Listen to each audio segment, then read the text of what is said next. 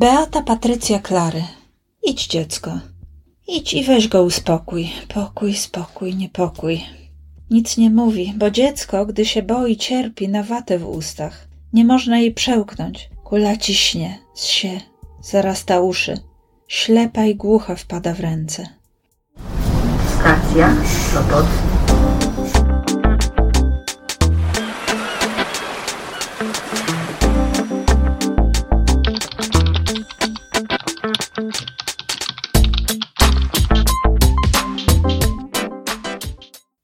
Dzień dobry. Dobry wieczór. Gdziekolwiek i kiedykolwiek zechcielibyście mnie słuchać. Przed mikrofonem nad polskim morzem w 33. odcinku Nadmorza wszystkich swoich słuchaczy wita Piotr Wiktor Lorkowski. W klimat dzisiejszego spotkania wprowadziła nas lektorka Madlena. Znowu mamy odcinek bardzo szczeciński, bo na mój recenzencki warsztat trafia dzisiaj tom wierszy Beaty Patrycji Klary, Martwia, opublikowany jeszcze w zeszłym roku nakładem oficyny Zaułek Wydawniczy Pomyłka, prowadzonej przez niestrudzonego Cezarego Sikorskiego. Natomiast wśród książek wręczonych i nadesłanych znalazły się nowe publikacje innego wydawcy ze Szczecina, czyli formy również niestrudzenie prowadzonej przez Pawła Nowakowskiego. Wróćmy jednak do autorki tomu Martwia. Martwia to siódma książka poetycka Beaty Patrycji Klary.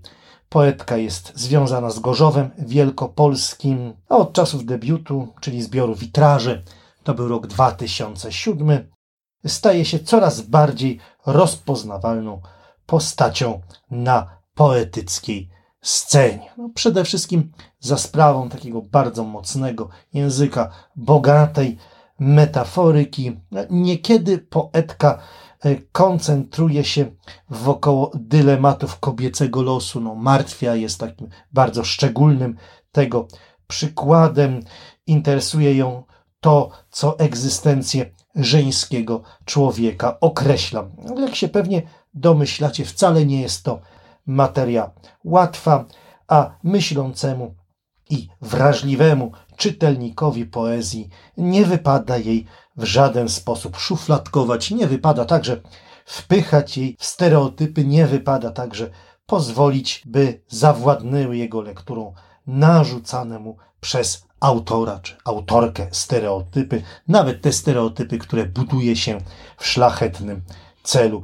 Po prostu twórczość Beaty Patrycji Klary z całą pewnością jest warta tego, żeby jej wiersze czytać po prostu jako wiersze, a nie manifestacje takich czy innych ideologii. Wówczas takie mam poczucie, że mówią jakby więcej i bardziej od siebie i w taki sposób również spróbuję przeczytać, omówić dla Was martwię.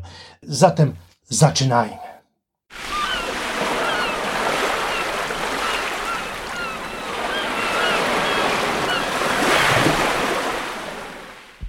Kim albo czym jest martwia?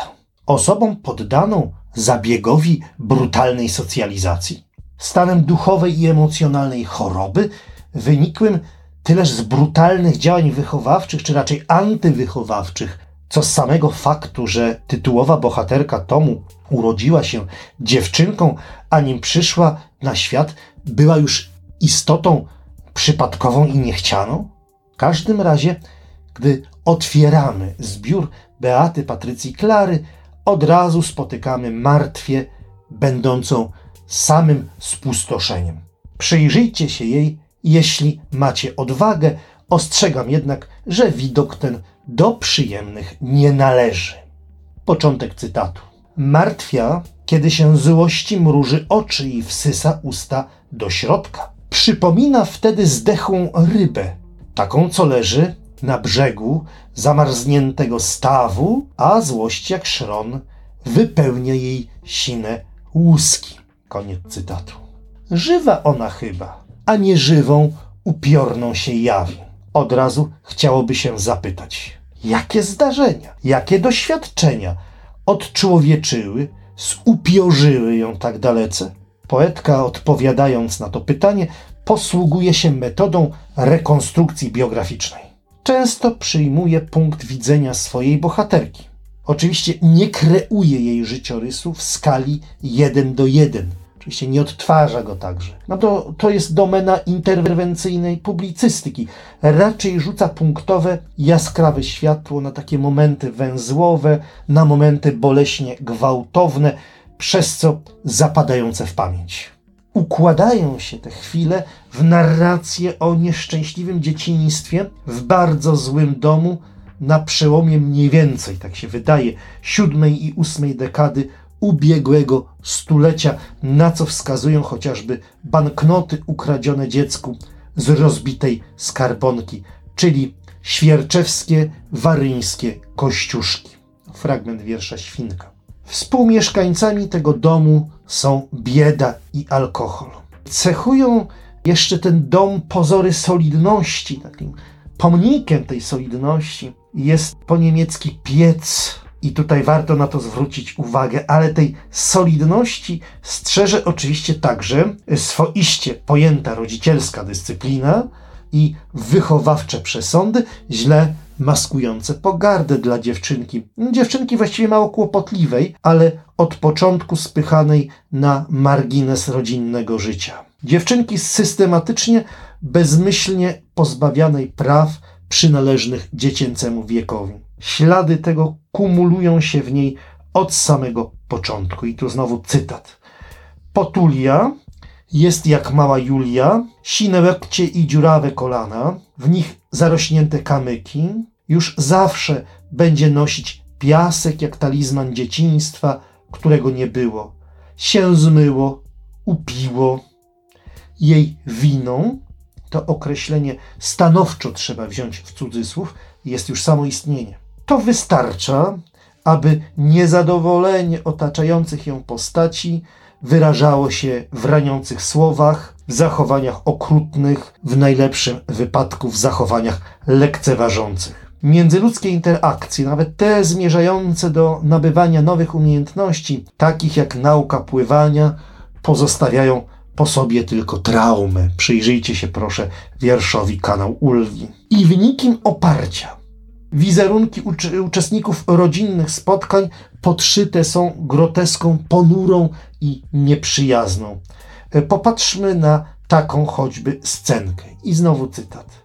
Dzisiaj w domu jest dużo wujków. Chodzą po kuchni, coś mówią, po głowie głaskają, gruby bierze jak swoją, kolanka ogląda, spódniczka taka krótka, noga biała blada, Mały bawi się warkoczami, mówi, że ciemne włosy pachną świeżym mlekiem, on śmierdzi wódką, cuchnie skarpetami, podają sobie dziecko jak cukierki, które nie są z cukru, czasem ciotka chuda siada im na kolana, a oni mówią, że jest zazdrosna.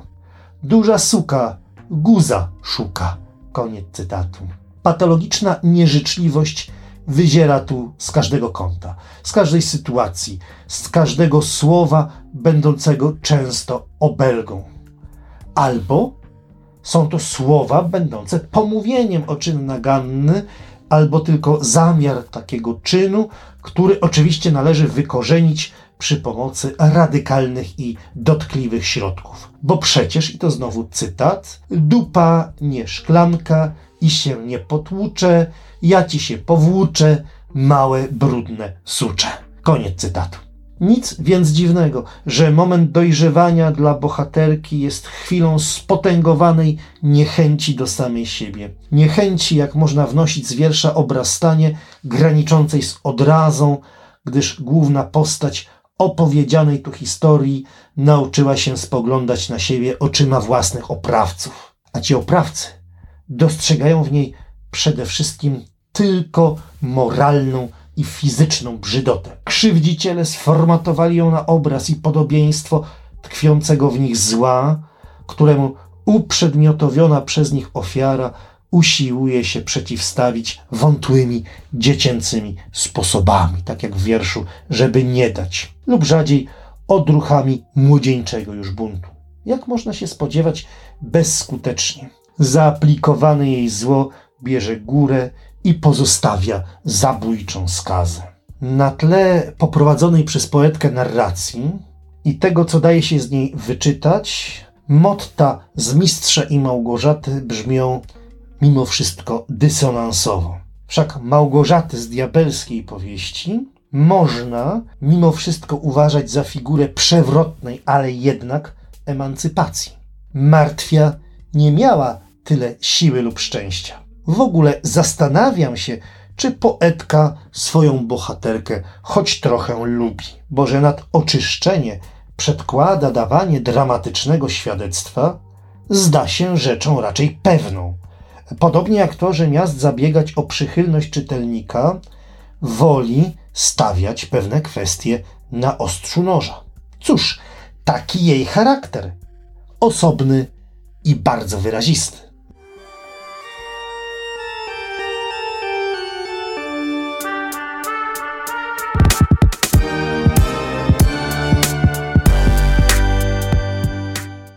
Na samym początku wspomniałem, że w książkowym unboxingu pojawią się nowości ze szczecińskiej formy. Oczywiście też będą, ale na początku chciałbym podziękować dwóm bydgoskim autorom, Bartłomiejowi Siwcowi za zbiór Starsza Pani Poezja, wydany nakładem Galerii Autorskiej oraz Wojciechowi Banachowi również podziękowania za zbiór Warkocz opublikowany przez wydawnictwo Pejzaż. Linki do stron wszystkich wydawców, podobnie zresztą jak odnośniki do stron autorskich bohaterki dzisiejszej audycji znajdziecie oczywiście w notatkach do tego odcinka. A teraz już o książkach z formy. Zaczniemy od prozy. Na samym wierzchu przesyłki leżała powieść Romana Cieplińskiego Ukryte myśli. Poezję wśród nowości e, przesłanych mi przez Pawła Nowakowskiego reprezentuje trzecia część poematu Karola Samsela Auto da Fe oraz tomy wierszy Uty Przyboś Wielostronna i Anny Freilich Pośpiechu rzeka płynie. Przesyłce towarzyszył także pierwszy tegoroczny numer kwartalnika Elewator, tym razem poświęcony w znacznej części postaci Leonarda da Vinci. Generalnie przesyłki z czasopismami od paru miesięcy podsuwają mi pomysł na audycje zawierające przegląd prasy literackiej, bo na jej łamach naprawdę jest co czytać. Jeśli spodoba Wam się ten pomysł, dajcie proszę znać. Mój e-mail jest do Waszej dyspozycji.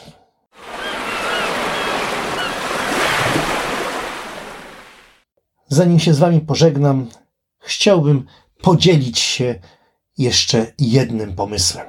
Na webinaria poetycko-czytelniczo-recenzenckie. Może rzeczywiście dobrze byłoby się spotkać raz w miesiącu, spotkać się w sieci i wspólnie podyskutować o poezji oraz jej czytaniu, no czasami także o jej pisaniu. Napiszcie do mnie proszę, czy chcielibyście wziąć udział w takich spotkaniach? Chyba warto wykorzystać z literackim, z czytelniczym pożytkiem nasze techniczne doświadczenie w nawiązywaniu wirtualnych kontaktów zdobyte podczas epidemii. Tymczasem, kochani, wciąż trzymajcie się zdrowo i twórczo. Tego Wam życzę. Do usłyszenia za mniej więcej dwa tygodnie. Dziękuję za spędzone wspólnie chwile. Ze swojej pracowni w Sopocie mówił do Was Piotr Wiktor Lorkowski.